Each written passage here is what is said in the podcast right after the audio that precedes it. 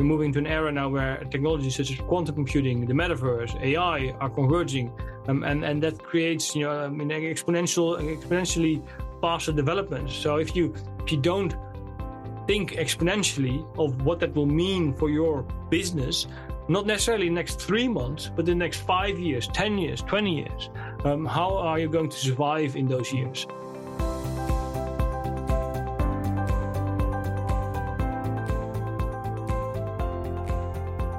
Welcome to a new episode of the podcast Competitive Edge, or Konkurrenskraft as we call it in Sweden.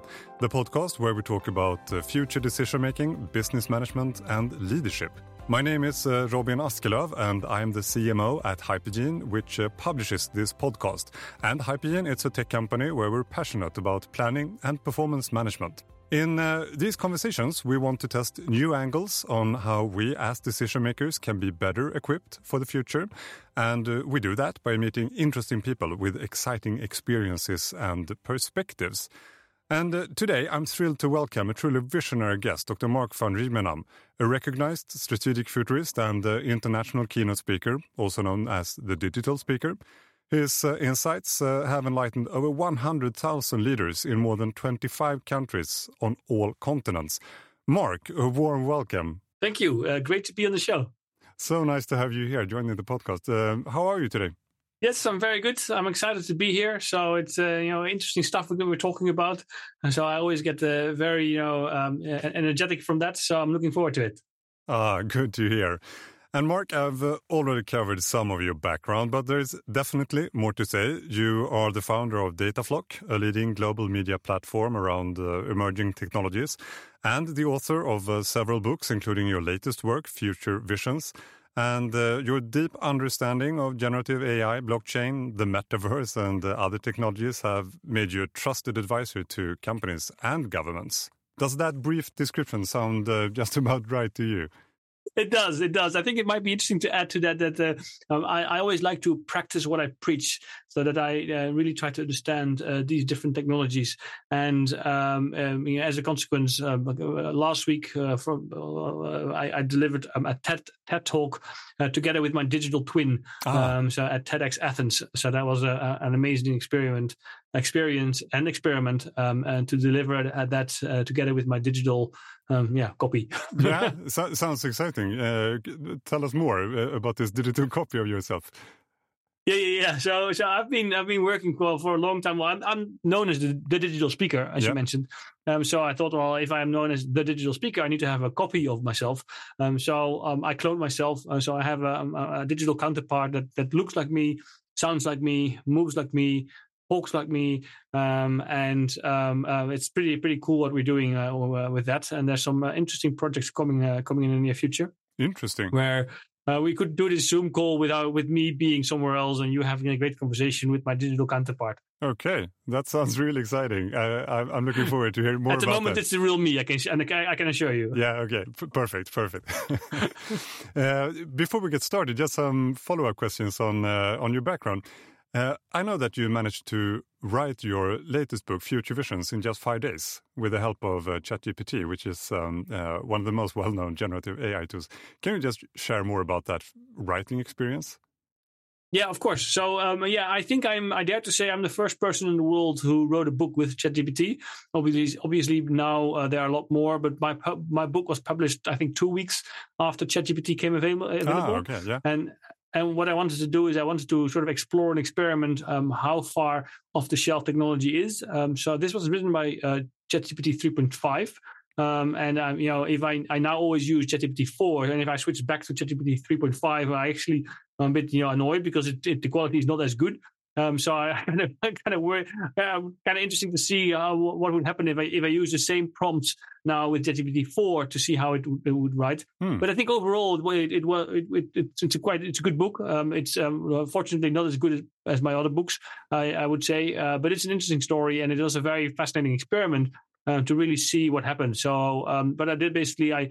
I, I asked ChatGPT, you know, which you know, uh, which technology will define our future, um, and I added a few of my own technologies. And then mm. I said, okay, now uh, for each technology to understand how it will evolve, which questions should I ask you? And give me a list of questions, and I use those questions to have a dialogue with uh, ChatGPT. Mm. Um, and um, I literally copy pasted the answers. Um, I didn't change anything. And all I did was maybe move sentences up and down for the, from a structure perspective, and and to remove all the nonsense uh, that mm. was hmm. in there, um, uh, which was definitely hallucinating at that stage. Yeah. Um, and um, and then when I finished, I asked it to to come up with a title, come up with a subtitle, uh, I asked it to uh, come up with a, a, description for my cover, which I then used Stable Diffusion to create the image. Hmm. Um, and um, uh, I had it edited with Grammarly. Um, and then when I finished, I asked it to, to write a, a, glowing review, and it did so as well. Okay, perfect. Interesting.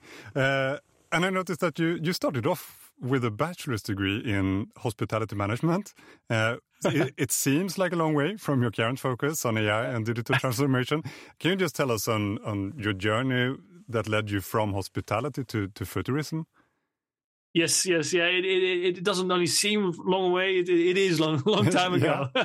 Um, um, I think I finished in um, 18, 17, 18 years ago. So yes, it's definitely a long time ago. But uh, no, I, I, started with the background in hospitality. Um, I always, um, you know, um, really, really liked, um, and I still do actually uh, uh, like uh, the hospitality industry.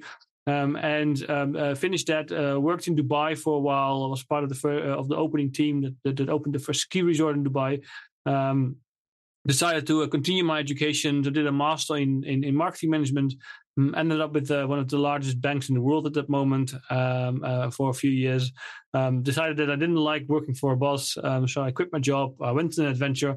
I circumnavigated Australia on a bicycle, um, as you do as a Dutchie, you know. Yeah, um, we, we, we, ride bicycles, um, and which was uh, an absolutely mind blowing experience. Um, uh, we did it also to raise money for for for uh, a charity.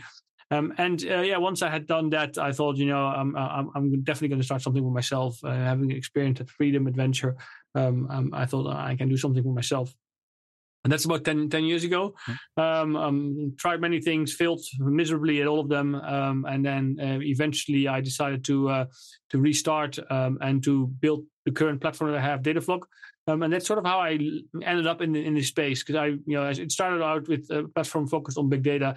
Didn't know anything about big data, so I decided to um, to to teach myself, educate myself, uh, publish those those yeah, articles, writings, what I taught myself, um, and then, um, uh, lo and behold, a, a, month and a half later, I was invited as the expert on big data um, uh, to deliver a keynote. And I was like, this is kind of ridiculous, you know. Uh, but in the land of the blind, you know, the one eyed man is king, as we say. Um, yeah. And um, um, that sort of well, led from one thing to the other. Um, a couple of months later, I wrote my first book by accident, um, and then a couple two years later, I think I got an opportunity to uh, to do a, to do a PhD. Mm-hmm. Um, uh, I got a few scholarships for to do a PhD here in Australia.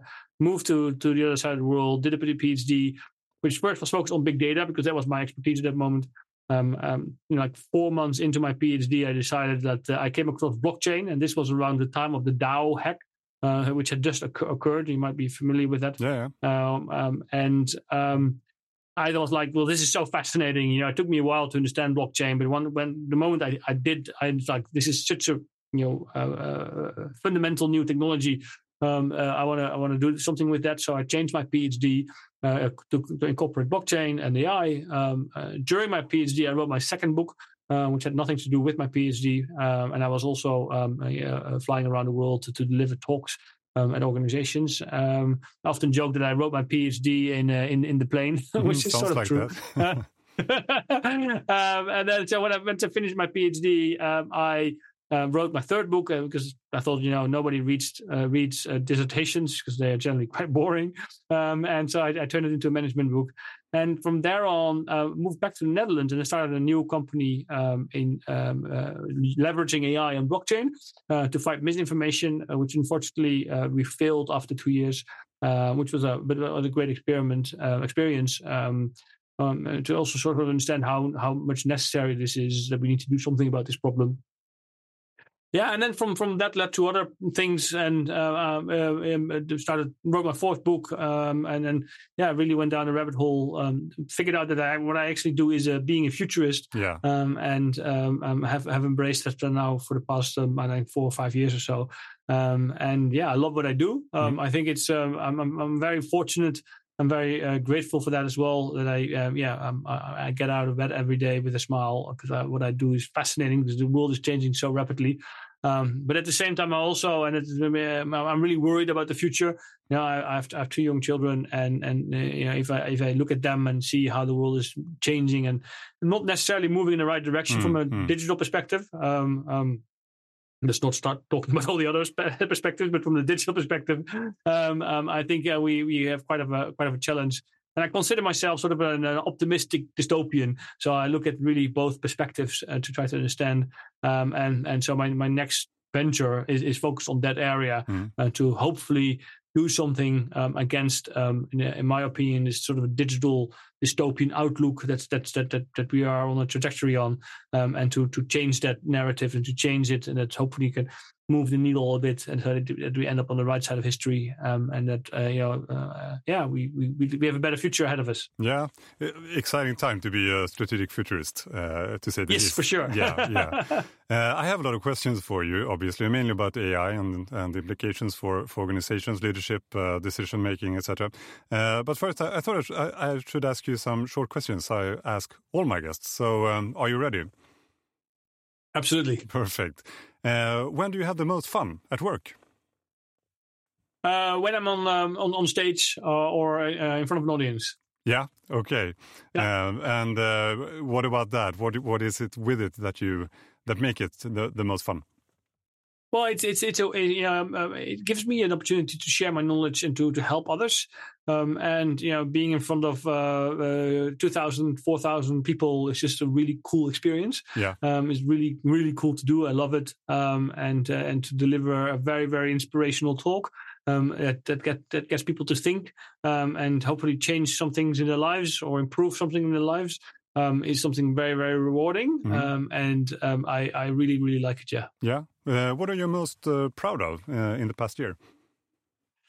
Uh, what am I most proud of? Um, well, I think what what what I'm really proud of is the, the, the TED talk that we that, that I delivered last week. Um, mm-hmm. you know, coming up with the idea of of doing something with my digital twin, um, and um, um, um yeah, creating that um, um, and having a conversation um, um, um, um, the, all the conversation beforehand and and building something I think which which has never been done uh, with with TED.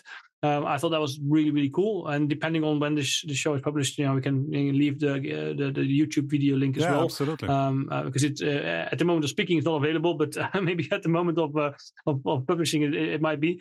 Um, and yeah, that was a really cool experience because it's something that yeah, you know, creating a digital twin of yourself and then and, and then having it, it do something on stage, um, and then you know using that as a sort of a conversation starter for what I did, mm-hmm. um, it certainly confused the audience, uh, which was exactly what I wanted. yeah, no, it sounds uh, it sounds really exciting. Uh, how do you find your inspiration to develop in your professional role?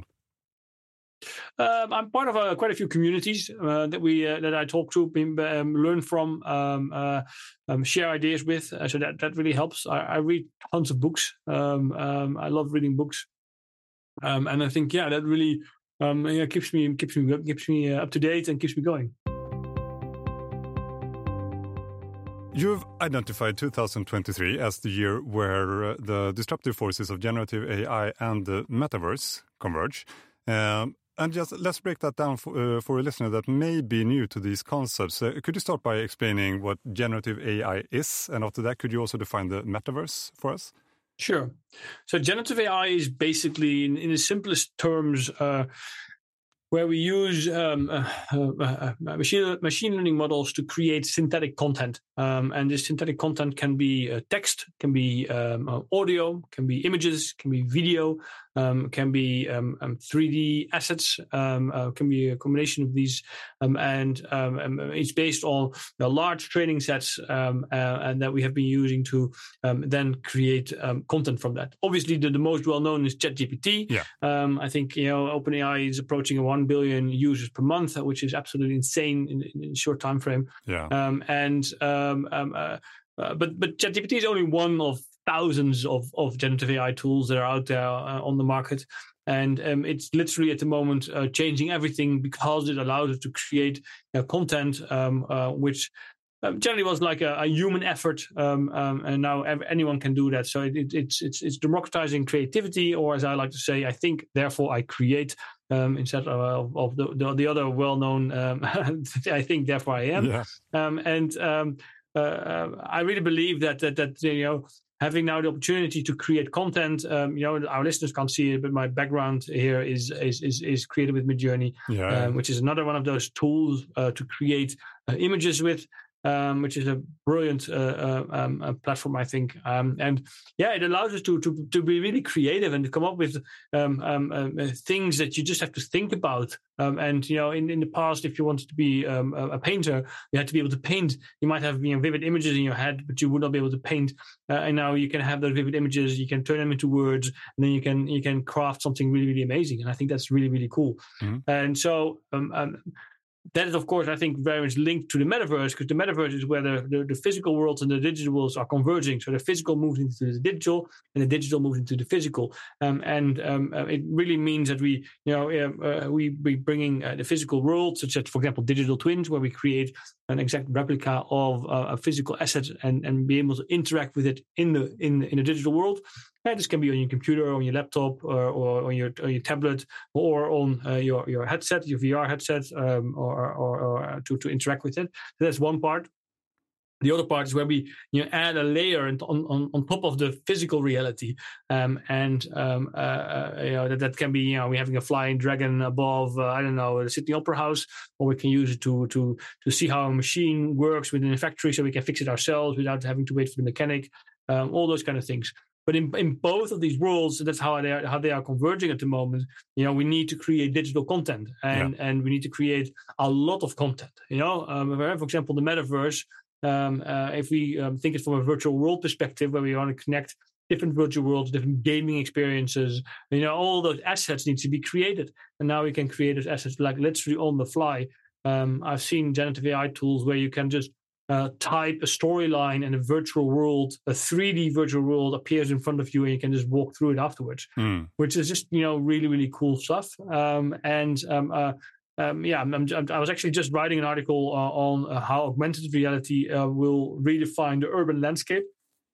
Uh, because it's um, you know we have these, these new, new tools with um, uh, from from from Google or Niantic uh, you know that, that's being that are being released at the moment, which you know allow you to use generative AI to to come up with you know um, fantastic augmented reality tool uh, experiences. Mm. Um, and yeah, that's just you know uh, uh, fascinating to see how these technology technologies are converging at the moment. Yeah, and, and related to this uh, convergent or, or, based on it, how do you see this impacting industries outside of technology, such as let's say education, healthcare, uh, entertainment? Well, I think you know every industry will will be impacted by this, um, and um, you know, if anything, um, it, uh, to create faster content. You know, if you yeah. are uh, if you need to do advertising campaigns, um, you can um, use this technology to create your advertising campaign without having an advertising agency creating them. Mm. Uh, you can use it to create craft the messages for your advertising campaigns. Um, uh, or in, in education, I see I, I see a very powerful connection uh, because you know, especially viewed from a virtual reality or immersive perspective, you can create virtual worlds um, um, um almost on the fly. Um, you know, um, um, go down the, the, microscope or scale up to to the planets. It doesn't really matter.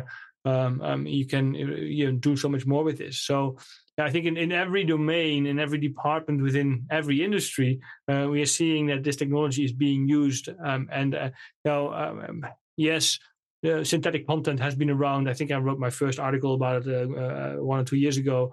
Um, but it's only it's only now has it only has now come into the limelight, and mm. you, know, you can sort of see like new technologies, new tools happening on a daily basis. Mm. It's absolutely crazy. Um, and it's it's you know, I used to reinvent myself every one every two years. Um, um, then I used to had to reinvent myself every um, three to six months, and then I now need to reinvent myself every week. You know, as, yeah, a, as a futurist.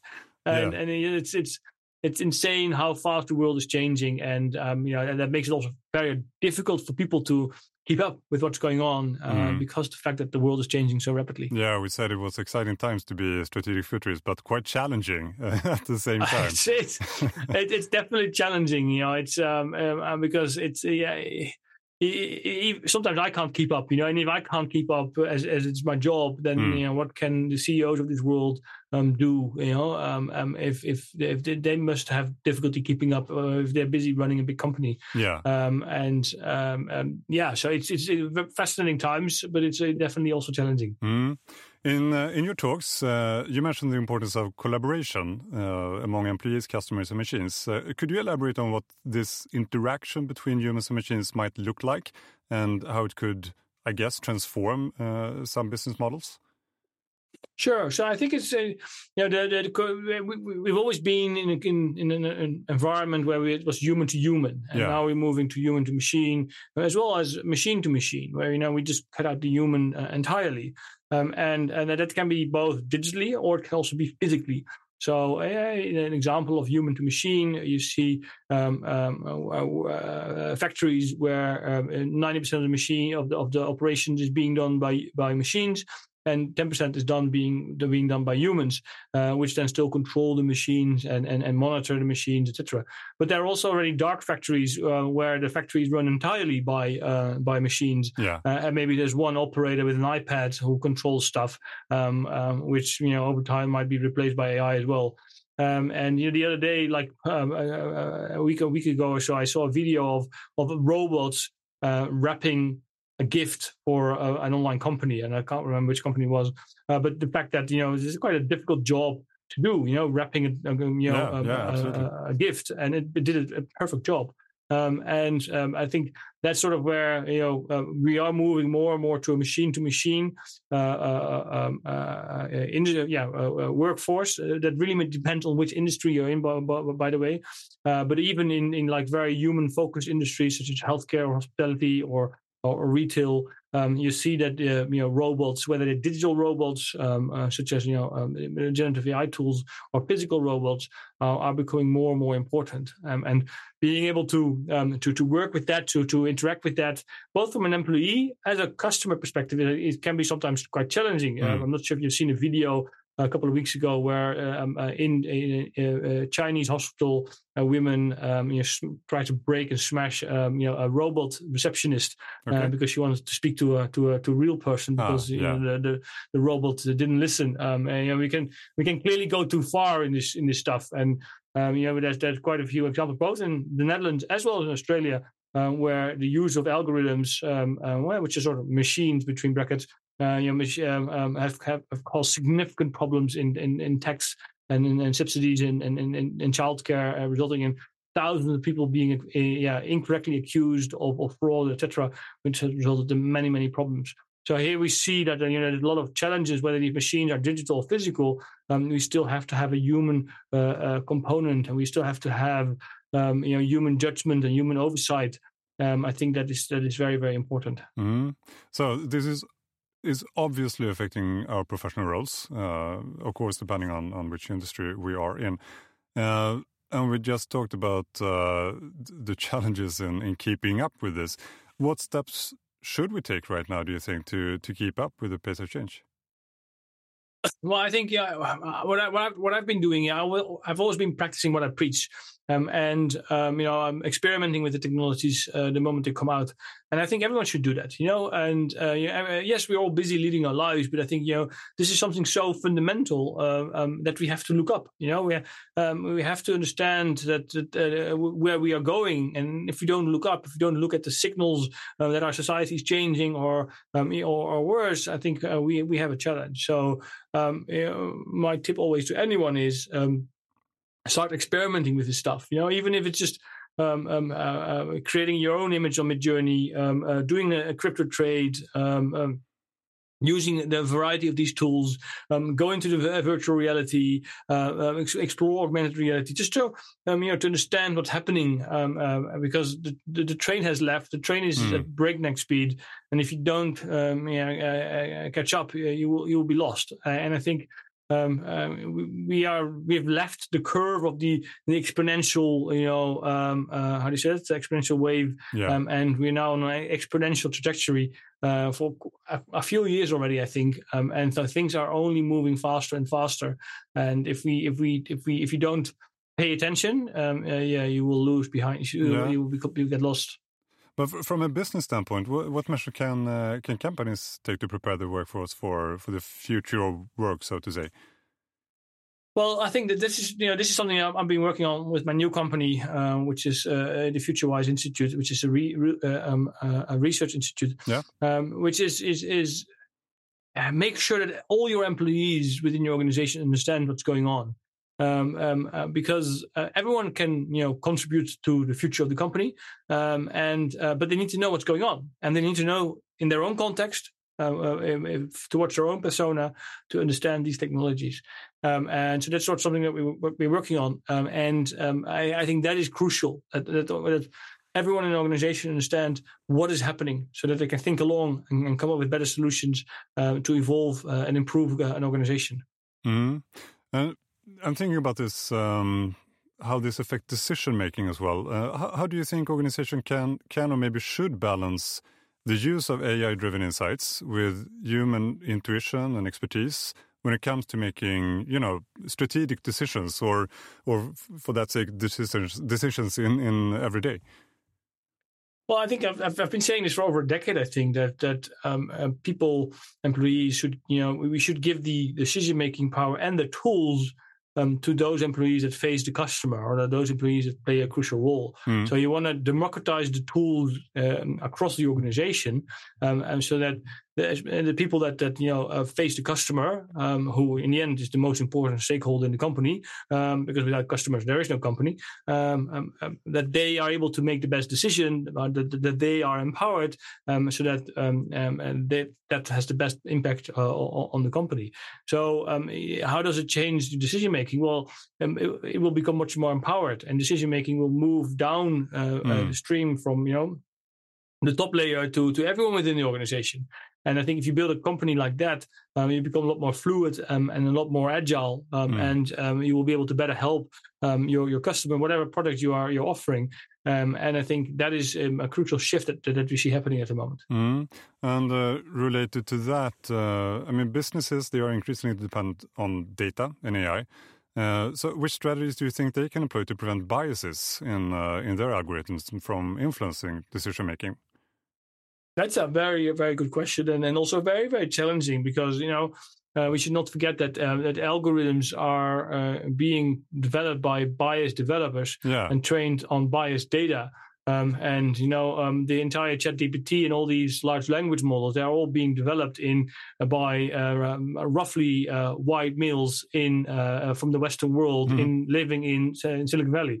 Uh, um, I'm not sure that that's the right approach, you know, to to to cut out biases, mm. um, and um, you know, because the world is much more much richer than white males living in Silicon Valley, um, and um, I think that's that's something really really important to be aware of. Is to to it's always difficult to have but to cut out biases because biases can also be useful, but it's um, yeah we we really have to make sure that we we, we remove them um, as much as possible. And and there's there's tons of biases in ChatGPT at the moment as well. And uh, uh, and I think that's that's not necessarily good.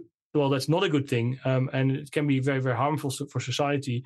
Um, and um, I think, yeah, you should do whatever it takes to remove that bias, but that's quite difficult mm-hmm. because it requires a lot more work. And mm-hmm. you know, work is, is, is, time, and time is money, and and um, uh, uh, organizations rather ship uh, this this stuff to make money, as we have seen by OpenAI, which I don't think necessarily has been a good decision uh, for society. It has been for OpenAI because within two months, you know, 100 million people were using it, training it, feeding it data all for free. It's a pretty good business model. Um, and um, uh, uh, but at the same time, um, you know, now that they've opened it up and they have opened their, their API for everyone, um, you know, it, it results in, um, for example, a, a, sad example is where you see um, on Snapchat you have a virtual AI friend now, yeah. um, and and it encourages child abuse mm. on a platform with hundreds of millions of children. Mm. Um, I don't think that's necessarily a good thing, you know, mm. um, and it's an understatement. Yeah, and um, yeah, uh, so, so, these kind of things where we, people release this stuff way too quickly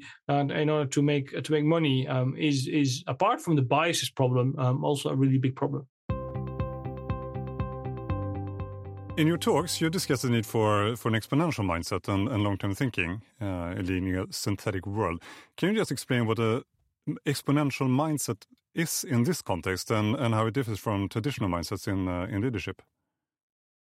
Well, look, traditional mindset is is very much short term focused, uh, shareholder driven.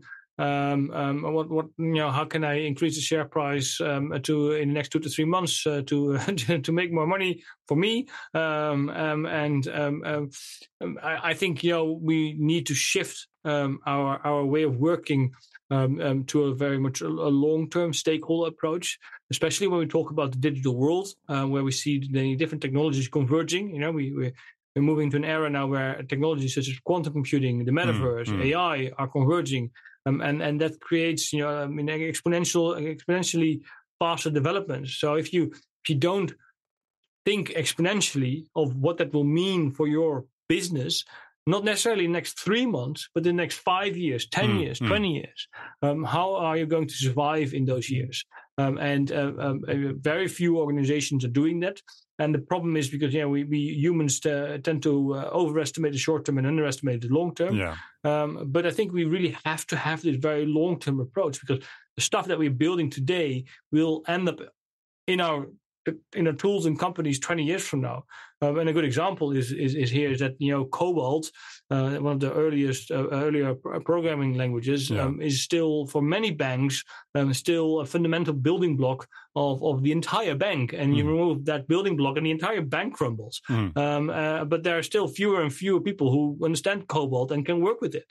Um, so the language models, the large language models we're building today, um, will form the basis of you know maybe artificial general intelligence in the next 5, 10, 20 years. Yeah. Um, and so if we don't build that correctly today, um, then we have a problem um, um, uh, in in the long run. So we we have to get that long term perspective of of what this means, and in order to think long term, you have to have to have an exponential mindset because the world changes at an exponential uh, uh, uh pace at the moment. Mm, mm. So um, it's a completely. I always say it, it requires a gestalt shift. You know, um, the gestalt shift is where you, you change perspective, and it's it's known from the image, the famous image, a duck and a rabbit. You can either see a duck or a rabbit, but not both uh, at the same time. Mm. And that's what I always tell organizations.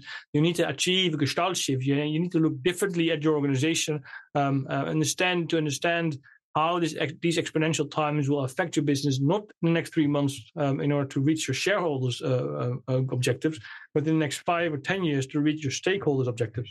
If we want to create a better society for all of us, we need to we need to think more long term, mm. um, and um, um, you know, and, and that is not next three months, you know, mm. um, that's not even next year. Um, uh, unfortunately, we have organized a society to be a short term society, but I, I, really think that for you know uh, for the betterment of our long term species, for our children's children's children's mm. uh, uh, children, um, we uh, we we need to we need to make a shift, um, yeah. and I think.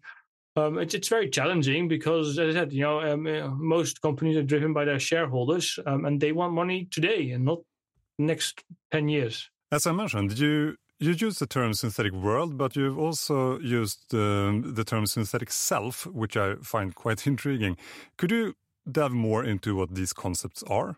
Yeah, what we're basically doing is we're creating um, um, a synthetic version um, of of everything that we're doing. Um, you know, and um, um, we're creating um, uh, digital twins of entire cities. We're creating digital twins of an, of uh, the entire planet Earth. Hmm. we're creating you know uh, uh synthetic humans. We're creating uh, digital twins of humans. You know what what I've been doing, and that's the synthetic world that we're creating. And you know, it's it's it's synthetic. It's it's not the natural world. No. Um, um, um, um, and it's it's it's artificial, as in you know, it's being created by uh, by algorithms um, and not by humans. Well, it is by humans, but in the second layer, you know. Yeah. Um, and um, so that, that's that's a different concept. And I think you know if, if we um, um, look at that from that perspective, you know, um, that changes again what we can do with it. Is if we have this entire synthetic layer over our physical reality, um, how will it change? What kind of opportunities will we get?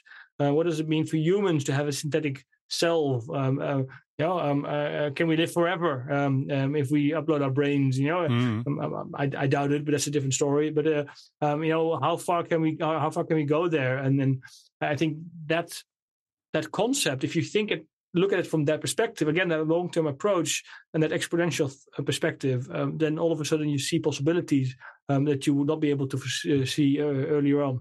Yeah, um, but but how do you see individuals uh, embracing their synthetic selves? Um, I mean, what what kind of implications could could this have on, say, personal identity and society at large? Well, I think it could could could both be very positive and very negative. You know, if we if we if we look at the um, at the metaverse, um, where um, you know you can literally be anyone that you want to be. Yeah. You can be a you know an exact digital replica of yourself, or you can be um, I don't know a talking mushroom or a flying piano or yeah, a, I don't know a purple centaur or whatever. You know, it doesn't really matter. You can um, you're only limited by your own creativity. Um, um again, I think uh, therefore I create. You know, if you and with the tools that are, are becoming available, I was just before this call saw you know a text to 3D avatar tool, so you can just create a text and poof, you have a 3D avatar. Mm. and uh, yeah, all those kind of things are just uh, um, um, uh, changing what it means to be you, to be human. Um, um but at the same time, um, uh, that also changes um, how you interact with people. Because if we interact with the virtual world, how can I know that the person that I'm dealing with, whether via, via a voice, video, or the metaverse, is indeed the person who they say they are? Yeah, true. Now, if I can recreate myself, clone my voice, um, um, um, mimic my movements, um, uh, recreate my what I say with AI um, and with minimum budgets. You know, what can bad actors do with near infinite budgets? Mm. So we really have to take a different, yeah, think about that, what the consequences are, and how can we verify that I'm dealing with the with the human and then one, and then I'm dealing with the person who they say they are. That's two. So there are two verification that we need to do, mm. um, and that's that's quite challenging. Mm, that's interesting, and I mean, as we move towards a synthetic future, uh, I think there are bound to be ethical, societal, regulatory challenges. Uh, you touched upon some of them right now, but can you share your thoughts on, on these potential challenges and, and how we might begin to address them? Well, there are so many challenges ahead yeah. of us. Uh, you know, it's it's um, if you think that you know misinformation, manipulation, polarization from the social media era was bad, uh, you know it will be child's play compared to what we can expect in, in the age of AI and mm. the hmm. metaverse. Um, um, you know, harassment, sexual abuse. Um, um, you know, in the virtual world, in virtual reality, if you're being harassed, um, to our brain, our brain doesn't know the difference between virtual reality and real reality. Mm. so if you're being sexually abused or harassed in the virtual reality, for your brain, it feels like it happens in the in the real reality. Um, um, so that that's really problematic. Um, then we have the issue of, of, privacy. You know, if we have uh, uh, uh, cameras on all the sensors, all the devices that we use, um, um, how do, can we be certain that all that data doesn't end up in on in, in the wrong hands? Um, uh, the, the, mental issues of people living in in in in, in virtual reality 24 7 you know? Uh, we already see the problems on tiktok and, and instagram for children. How are they going to deal with this? Um, you know the, all the ai problems the biases the algorithm um, you know uh, algorithmic decision making that's, that's that that goes out of um, uh, out of, that goes wrong. Um, the problems are so many um, and and too few people are thinking about it. Mm. because that's such a cool technology, you know. Um, and um, but this is something that we um, uh, we need to think about, and that's why you know I argue very much for um, you know uh, uh, elevating our digital awareness that we understand what's happening, and you know being native to the digital world doesn't equate to being digitally aware to the digital world. Um, it's very important the distinction, and so we need to become more aware of what's happening and what these technologies do to our I don't know cognitive processes, our decision making capabilities, uh, you know, our, our mindset, our mm. etc. Um, and that is, um, um, I don't see that happening enough. Mm. And to answer your second part of the question, um, uh, how can we do something about it? I think you know that, I think there are three ways to do something about it. One is education, um, education, educating the public, educating the corporate world, and educating the next generation uh, on how to become digitally aware. That's something that I work on with my institute. the next one is, is verification, which is very much focused on how can I verify that one content is being created by AI. Mm and two that I can verify that the person I'm dealing with is indeed the person that he or she says they are. Um, um, and I think that that's crucial. And the third one is on regulation, where we are. You know, I don't think the, the, European AI Act is sort of a good step in the right direction, but. Um, um, in general, regulators shouldn't come up with regulation for technology that's moving so fast because they don't understand the technology themselves.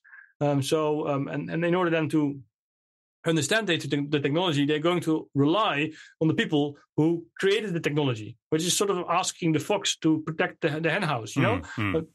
generally not a good idea. And um, so I think we should focus more on getting like I don't know an FDA equivalent for a, a, large language models or machine learning models.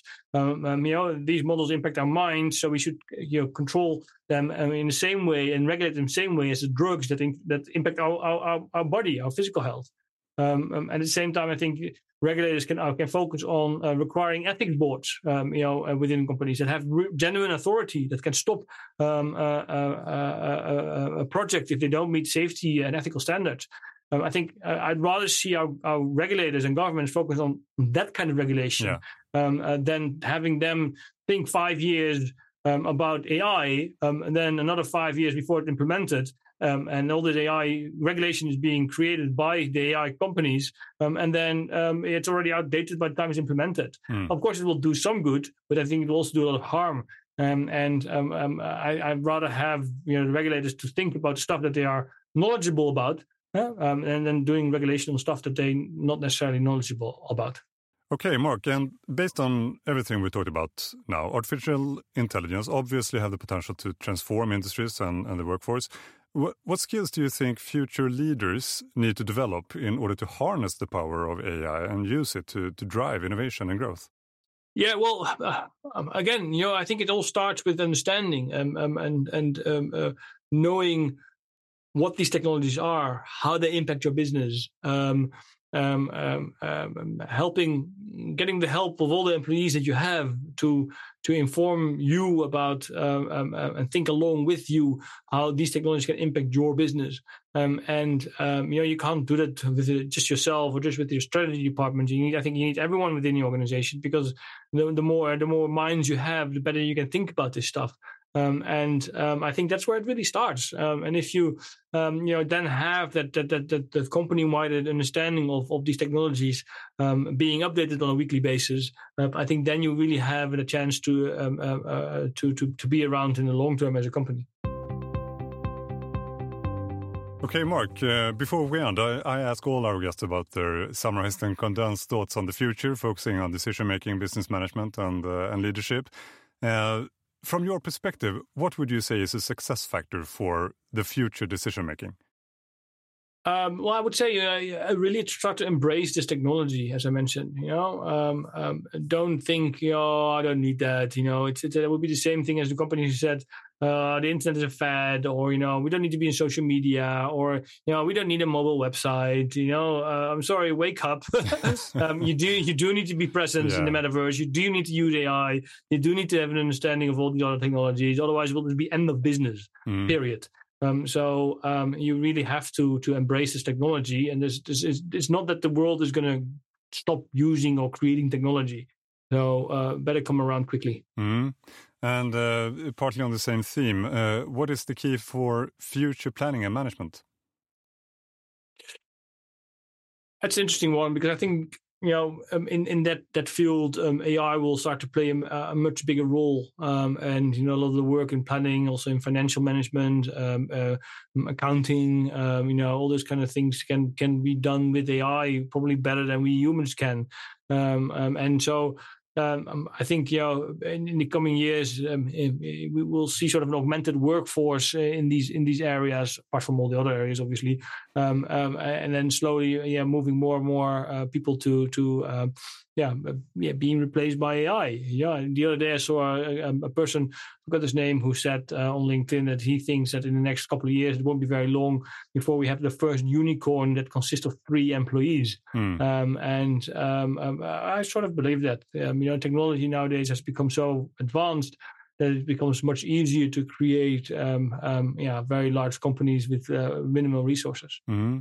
And uh, in the middle of all this, uh, it's quite interesting to talk about uh, leadership. Uh, so, finally, the key to future leadership. What's your thoughts on that? Well, I think the key to future leadership is to um, to, to, to to to to have a very deep understanding of the digital world. Uh, again, it comes back to to what I've, the things I've said, said before, um, um, because digital is just the starting point nowadays. And if you if you don't have digital in your DNA, um, uh, then you're not going to survive as a company. So uh, uh, you have to have a digital mindset at the highest level um, because otherwise it, it, won't. You know, you can't expect the rest of the company to have a digital mindset um, if if the leadership of the company doesn't have that. Hmm. So, Mark, once again, it's so nice to have you here. Uh, I really appreciate the talking to you. Thank you so much for for joining today. My pleasure. It's been a fascinating journey, and uh, you know, I think the the world is changing so rapidly at the moment that it's uh, the, yeah, having these conversations is always very, very important and very much fun as well. Yeah, absolutely. And uh, all of you that are listening, I always try to recommend good reading material. This time, I want to recommend the book we we mentioned in the beginning, Future Visions: A Human-Machine Collaboration on the Potential of uh, Technology, written by you, Mark, and Generative AI. Uh, it provides great insights in the possibilities of uh, technology and its pot potential to transform our world. I can highly recommend it. Uh, it's also quite an interesting example in, in how to work together with generative AI. So I will include the book title in the description of this episode. Additionally, uh, as usual, I think you should visit hypergene.se or .com. They will find everything from uh, blog articles to reports, webinars, and lectures, all centered around decision support, planning, and performance management, which is uh, what we and our product are all about. And uh, finally, don't forget to subscribe to this podcast. And uh, with that, we thank you for today and say goodbye. Thank you for listening. It's been great to have borrowed a moment of your time. Have a fantastic day. And uh, once again, uh, Mark, a, a, big thank you to you for, for joining us today. My pleasure. Thank you.